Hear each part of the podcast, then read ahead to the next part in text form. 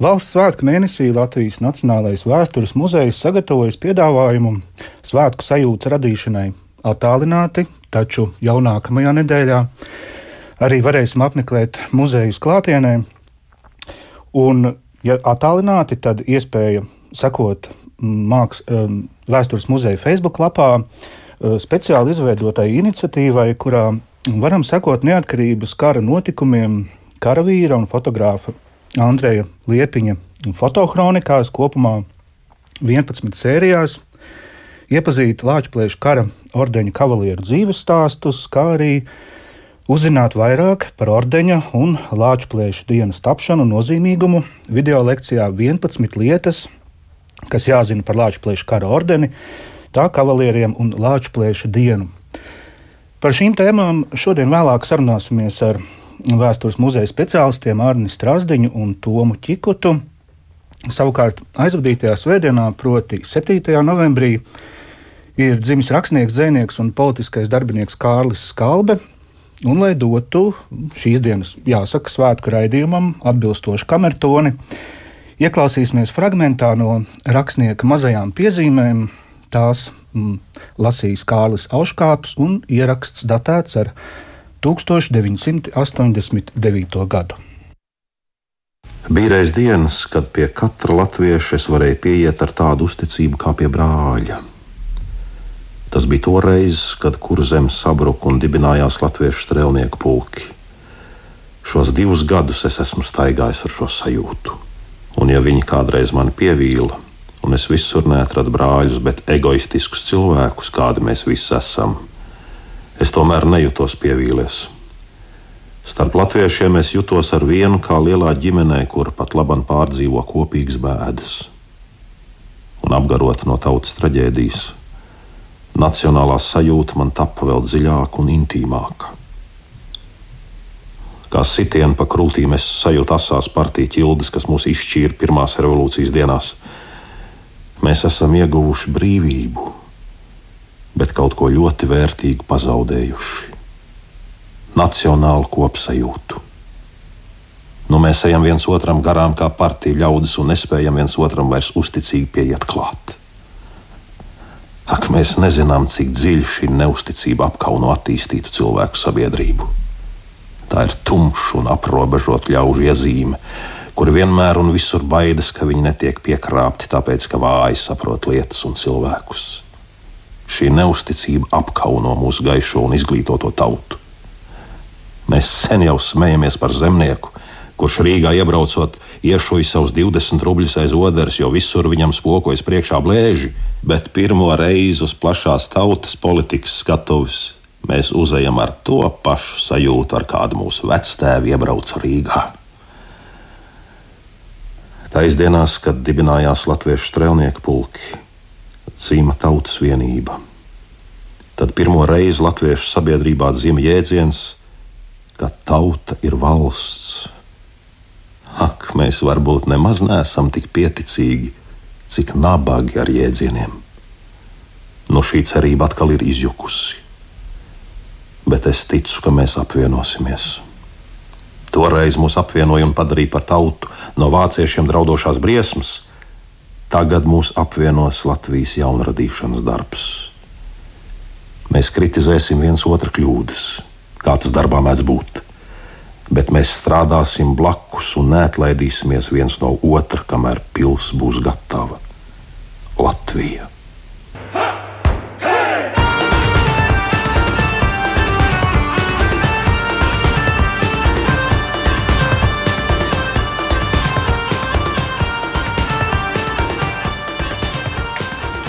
Lūk, šādi te tērauda zobeni, grupas auļi sniegumā. Šobrīd Latvijas Nacionālā vēstures muzeja um, Facebook lapā ir skatāma tiešraides um, akcija 11. 11.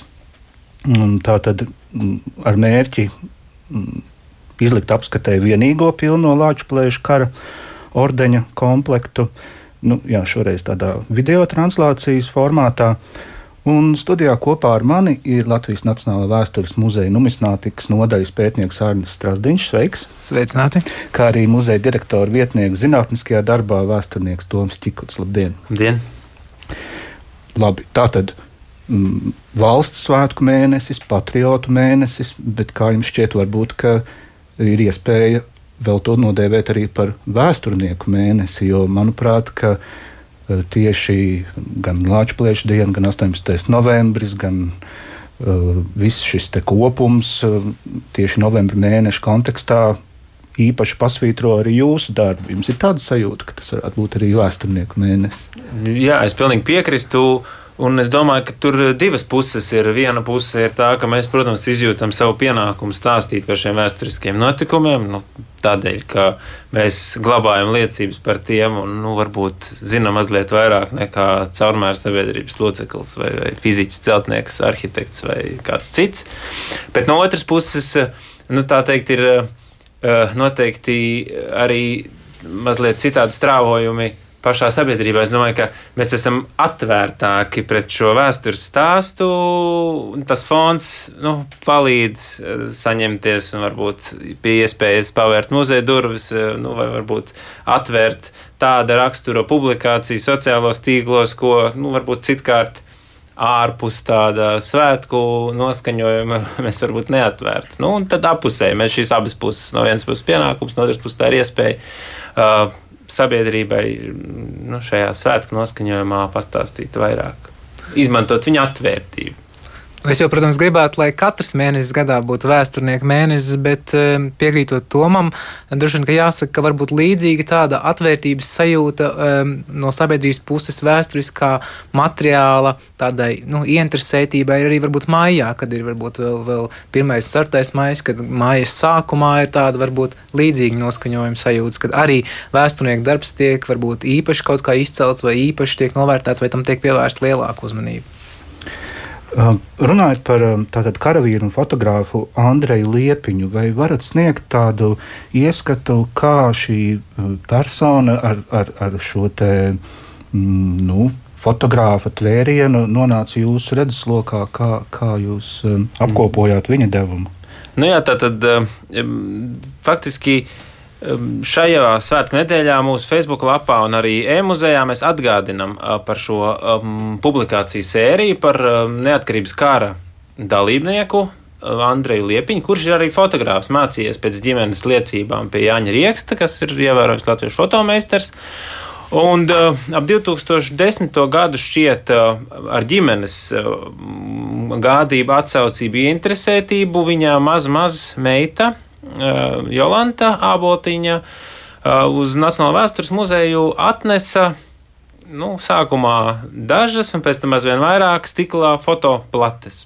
Un izrādījās, ka tam ir milzīga vēsturiska vērtība, ka pie šī vienkāršā neatkarības kara karavīra, vēlāk zemnieka, vēlāk padomju okupācijas laikā kolhoznieka, uh, Eh, viņš ir miris 70. gadu beigās, tad nodzīvojis garu mūžu, piedzīvojis visu šīs politisko režīmu maiņas un klusībā saglabājis to, ko ir nofiksējis neatkarības kara laikā. Nu, tā kā tas nav bijis nevienā institūcijā glabāts, un varbūt šī persona arī nav bijusi ļoti nu, zināma, viņš nav bijis virsnieks un tā tālāk, tad viss šis kopums ir saglabājies. Un tad šajās galerijās, ko Facebookā var meklēt mūsu lapā un e-muzejā, var izsekot nu, viena cilvēka kara gaitas no 1919. gada vasaras. No jūnija beigām, kad viņš iestājas Madonā, pievienojas toreiz vēl Ziemeļa Latvijas brigādē, Austrumfronts rezerves bataljonam, un viņš faktiski izstaigā visu neatkarības karu. Viņš Bermudas laikā ir šeit pierīgā un fiksē nu, algas, teiksim, tas nav Rīgas skats ar tādiem anonīmiem ierakumiem, tā ir sadzīve. Nu, tur maksā oktobrī karavīriem ierakumos algas, vai, vai dala pārtiku, vai pēc reizes pēc Bermontiādas te Daugomalā uz drupām stāv kareivji. Nu, tādā pavisam sadzīviskā tvērumā. Un pēc tam viņš dodas uz Liepāju, tad viņš 20. Eh, gadā apsargā Latvijas-Vācijas robežu pie Palangas, un te ir unikāls skats ar Palangu, kas vēl toreiz ir Latvijas sastāvā. Uh, nu, un tad, tad no 19. gada beigām, 20. gada beigām atvainojos, tā ir Daugopils, Daugopils cietokšņa skati un arī nu, interesants sadzīves sains. Tā kā uh, tas ir tas uh, nu, tāds unikāls gadījums gan no krājuma papildināšanas viedokļa, gan no tās neatkarības kara sajūtu fiksēšanas viedokļa. Un ģimene bija ļoti interesēta, un mēs arī daudz darba ieguldījām, lai noskaidrot to, nu, ko mēs varam noskaidrot, ja nav nevienas lapiņas klāta šīm fotografijām. Nu, patiešām arhīvā tad izsēžot, uh, nu, sameklējot šīs vienības, kur viņš diena, un tad meklējot šos cilvēkus, mēs pat nu, tā kā vaigā sākām atpazīt, nu, tas ir tas virsnieks, tas ir tas ar viņu tur kopā izstaigājis. Nu, tas tāds vesels detektīvs. Un, Nu, ir gan interesanti, man šķiet, arī no tā vizuālā viedokļa, kaut neiedziļinoties kara vēsturē. Nu, un, un patiešām tādās slāņplēšu dienas noskaņās šķiet eh, ļoti tas piemērots skatījums, kad mēs galu galā eh, nu, pieminam katru karavīru, ne tikai šo lielo uzvaru 11. novembrī 19. gadā. Toms jau pieminēja. Uh, E-muzeja, tātad vēstures muzeja platformu tīmeklī. Um, tas piedāvājums ir pietiekami plašs gan ar galerijām, gan virtuālajām izstādēm, interaktīviem resursiem un, protams, arī ar mm, izglītojošās programmas materiāliem skolu jaunatnē. Arni, pastāst lūdzu, kāds ir mm, e-muzeja apmeklējums, vai jūs kaut kā mm, sekojat līdzi tam, cik viņš ir nepieciešams muzeja interesantiem? Nu, pirmkārt, jāsaka, ka e-muzejs no vienas puses nav jauns resurss digitālā platformā, no mūsu puses tas, nav, tas piedāvājums nav jauns, bet no, no otras puses tas e-muzejs kā apkopojums, kā tāda platforma, kur atrast resursus, tas um, funkcionē no šā gada pavasara. Un, um, man gan nav precīzi statistikas par to apmeklējumu skaitu un par to, cik tas uh, varbūt cik plaši resursi tiek izmantot. Taču um, man uh, paziņu lokā ir vairākas uh, vidusskolas vēstures skolotājas, kas uh, ļoti uh, bieži atsaucās uz mūsu izmantotiem resursiem un saka, ka tur ir tiešām labi materiāli, gan kartogrāfiski, gan varbūt kaut kāda cilvēka stāsta, fotografijas. Un tas ir ļoti labs papildinājums, ja domājam, piemēram, uh, par skolu mācību programmas satura papildināšanu ar šādiem te nu, vēsturiskām liecībām, ko glabā muzejs, kuras tagad ir digitāli pieejams. Nu jā, un vēl varbūt tā nu, mēs to uzticību, kā teikt, iekarojam droši vien pakāpeniski. Un, nu, nevarētu teikt, ka tie ir tūkstoši, tūkstoši, kas ikdienā skatītos e-muzeju, bet nu, ir savs skatītāju lokus. Bet tā lielā un svarīgā vērtība ir vēl viena no tā, ka ļoti daudz kas izkaisās un pazūd. Nu, piemēram, pēc izstādēm, nu, izstāde ir, tur ir varbūt ļoti labs materiāls sagatavots vienā interaktīvā ekrānā. Izstāde pēc gada vai pusgada beidzās, un tad nu, kas ar to notiek tālāk? Un, ja viņš tur dzīvo emocijā, nu, tad pie gadījuma, pie kādas speciālas intereses par šo tēmu, nu, tas cilvēks var atrast. Vai arī Facebook galerija. Nu, mēs nopublicējam brīnišķīgu, anotētu, speciālistu komentētu fotografiju sēriju. Nu, jūs zināt, cik liels temps ir tur minūšu jautājums Facebookā, kad tajā tā saucamajā skrolā vai tā ritināšanā viņš aiziet uz apakšu un zūd. Un tas ir tas, kas mums likās, ka tas ir jāpiefiksē šeit. Tas ir. Un pat tad, ja varbūt tas nav vajadzīgs uzreiz un tagad tūkstošiem, tad ir saglabāts tas darbs, kas reizes tajā materiālā, nu, teiksim, interpretēšanā, tā, tā tas ir materiāla interpretēšanā, skaidrošanā ir ieguldīts. Tā, kā, nu, tā ir tā otra, otra lieta. Viens ir atsaucība no sabiedrības, un otrs, ka mēs jūtamies droši, ka mūsu darbs nu, ir pieejams arī pēc tās, tās tūlītējās aktualitātes beigām. Varbūt. Tā tad mm, adrese pavisam vienkārša e-muzejs. Latvijas Nacionālais vēstures muzejs, tātad tikai abreviatūrā LNVM.CLV.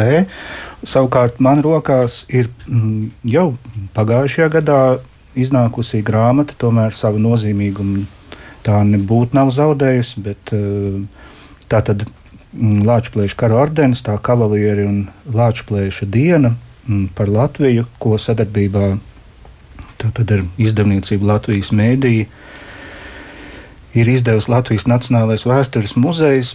Es domāju, tiešām te ir nu, te jau 400 lapuses, bet tas, ko gribētos jums, eh, kungi, pajautāt, mm, cik tad vēl tomēr uh, ir tie baltie laukumi, Lāčplēša kara ordeņu kavalieru nu, domājot par šo cilvēku kopumu, Protams, te arī liela nozīme ir konkrētās ģimenes iespējām saglabāt šīs liecības, cik pats cilvēks tās ir atstājis vai dienas grāmatu formātā, vai arī, kā Toms pieminēja, fotografijās, stikla platēs un tam līdzīgi.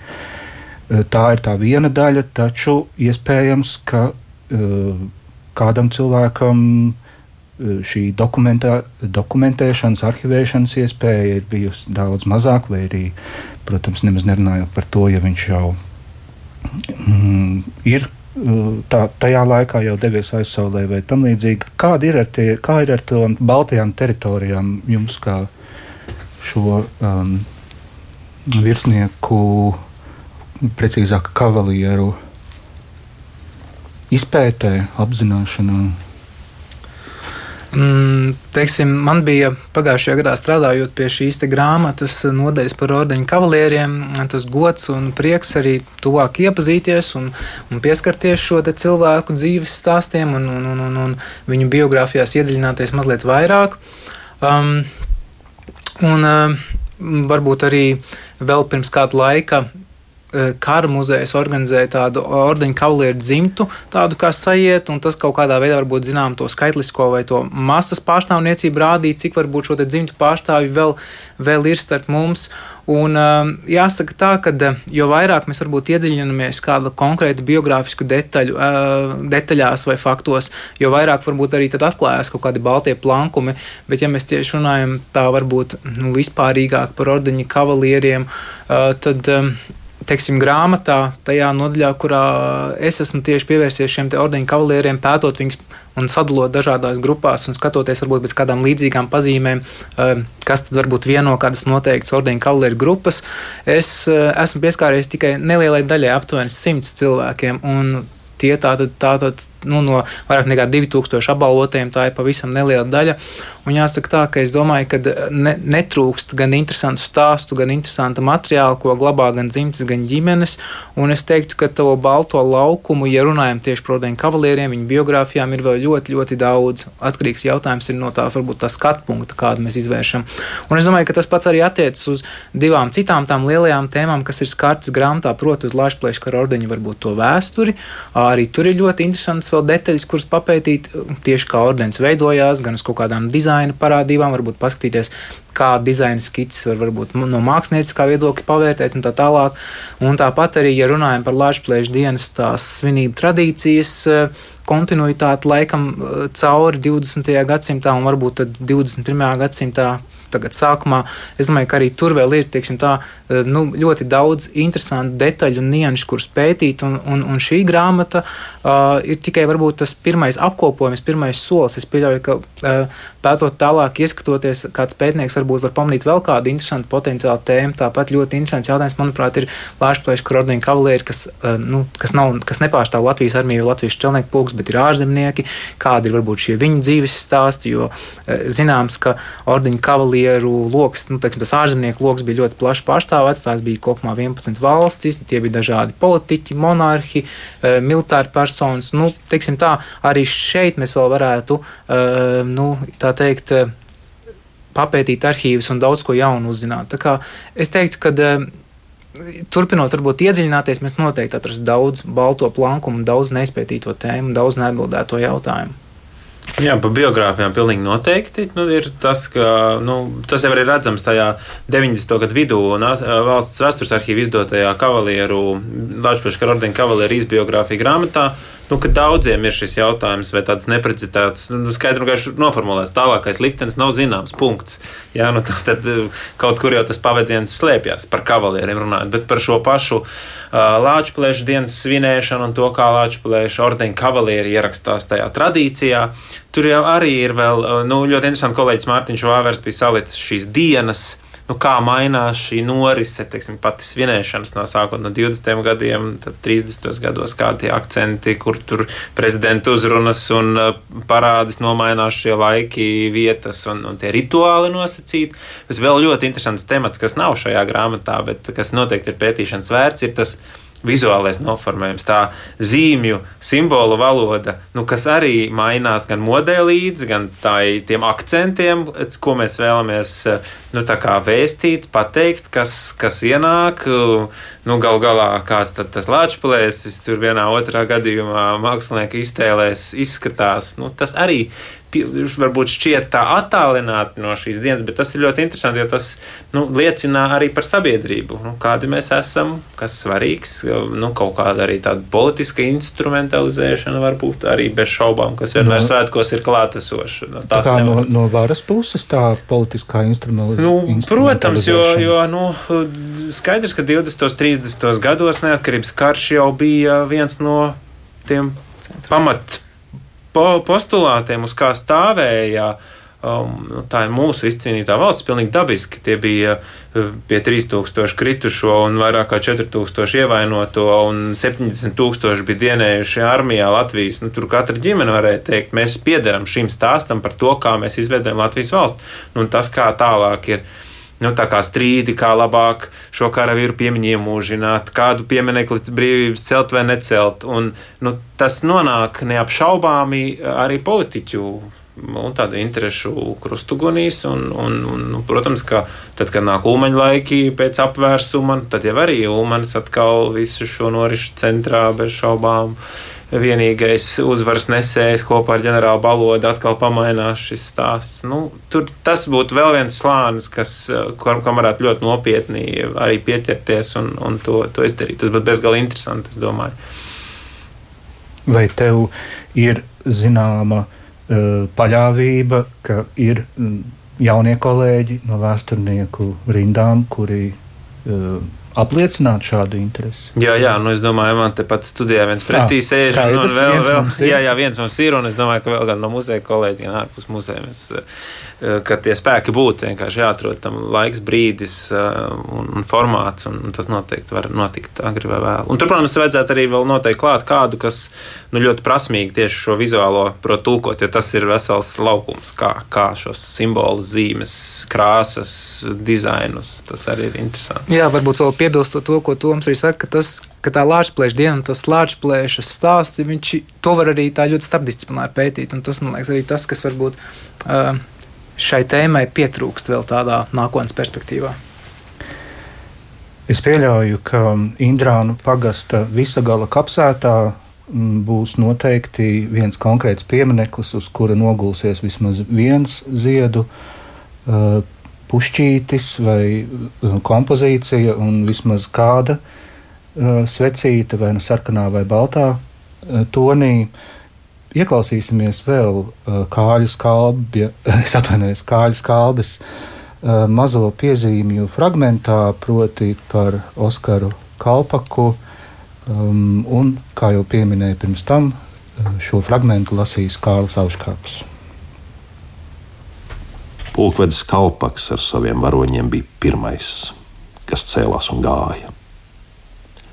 Pēc kādas kara padomas Jālgavā Pulkvedis Kalpaks vienkārši un sirsnīgi paskatījās uz saviem biedriem un teica: Biedri, iesim!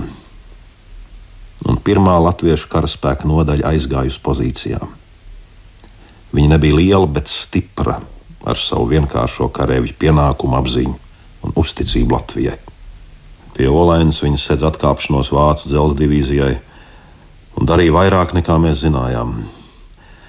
Pamazām viņas spēki pieauga, un ap viņu sāk lasīties brīvprātīgiem. Un no ventas jau atskanēja viņas varoņu slava. Mēs esam neuzvarami, Kalpaka karēvi rakstīja, kad grūtās cīņās bija pārbaudījuši savu spēku. Šī pārliecība viņus nes uz priekšu, un viņi iedves to arī lieliniekiem. Vēlns zina, kas tie par karēviem. Tie nāk stāv, šaudam, un katram ir ložmetējs. Ar tādiem jau nevar cīnīties.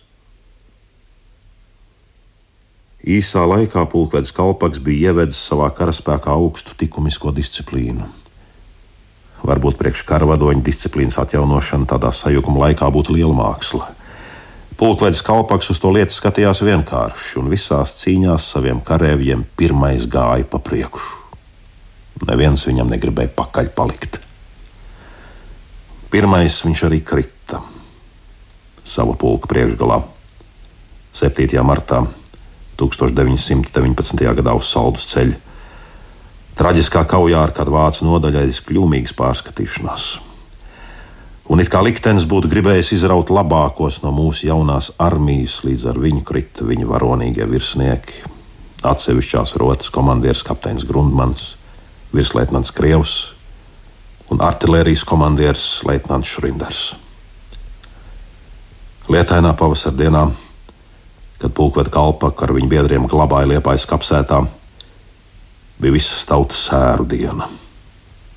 Milzīga ļaužu strauma aiznesa bēru gājienu uz kapiem, un mēs jutām, visi jutām, ka tiek paglabāts tautas varonis. Un no nepārredzamā ļaužu pulka, kas drūzmējās kapsētā ap noskumušiem ministriem, karavīriem un tautas padomus locekļiem, varēja redzēt, ka jauna valsts stāv pie sava karavadoņa kapa. Jauna valsts, kura dzirdējusi savu sirdi pukstam un sāk pati sevi apzināties.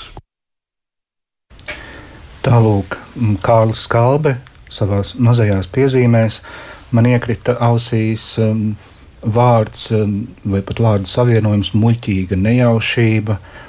Mm, tas jau laikam vispār ir viens no tiem vēstures otrajiem vārdiem. Es domāju, tādu zīmīgu vēstures notikumu otrajiem vārdiem. Vai nu gan muļķīga nejaušība, gan laimīga nejaušība.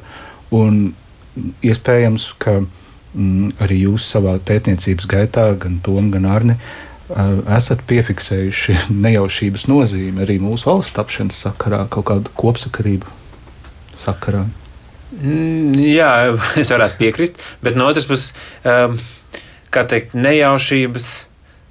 Um, Es teiktu, notiek uz likumsakarību fona, tomēr lielās līnijās, bet skaidra lieta, ka Uh, nu, es nezinu, Jānis Kūga varēja nebūt mājās, un Nacionālā teātris skatuvē varēja uh, Atis ķēniņš nesarunāt, ka jāpārvelk pāri sarkanbalts sarkanais karoks, vai viņa jāizdekorē, vai es nezinu, Spricis Paigli varēja neierasties uz uh, valsts dibināšanas apspriedi, un kas tik varēja nenotikt. Bet, nu, vēsturnieki, es domāju, vairāk skaidro to notikušā realitāti, un, protams, saskarās ar to, ka dažas lietas risinājās tā, kā tās risinājās Tādēļ, ka, nu, to nosaukt, liktenis nejaušība.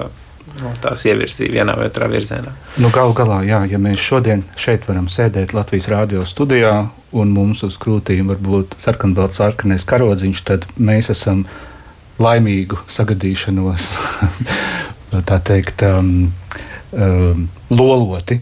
Uh, šodien ar mani Kopā studijā bija Latvijas Nacionālā vēstures muzeja numismātikas nodaļas pētnieks Arnis Strasdiņš un muzeja direktora vietnieks zinātniskajā darbā vēsturnieks Toms Čikuts. Aicinu mm, klausītājus jau nākamnedēļ sekot līdzi jaunumiem e, Nacionālā vēstures muzejā. Tā tad atkal būs iespēja to apmeklēt klātienē. Saku jums paldies un lai jums ir iedvesmojoši šī lāča plēšana. Paldies, paldies. jauks svētkus!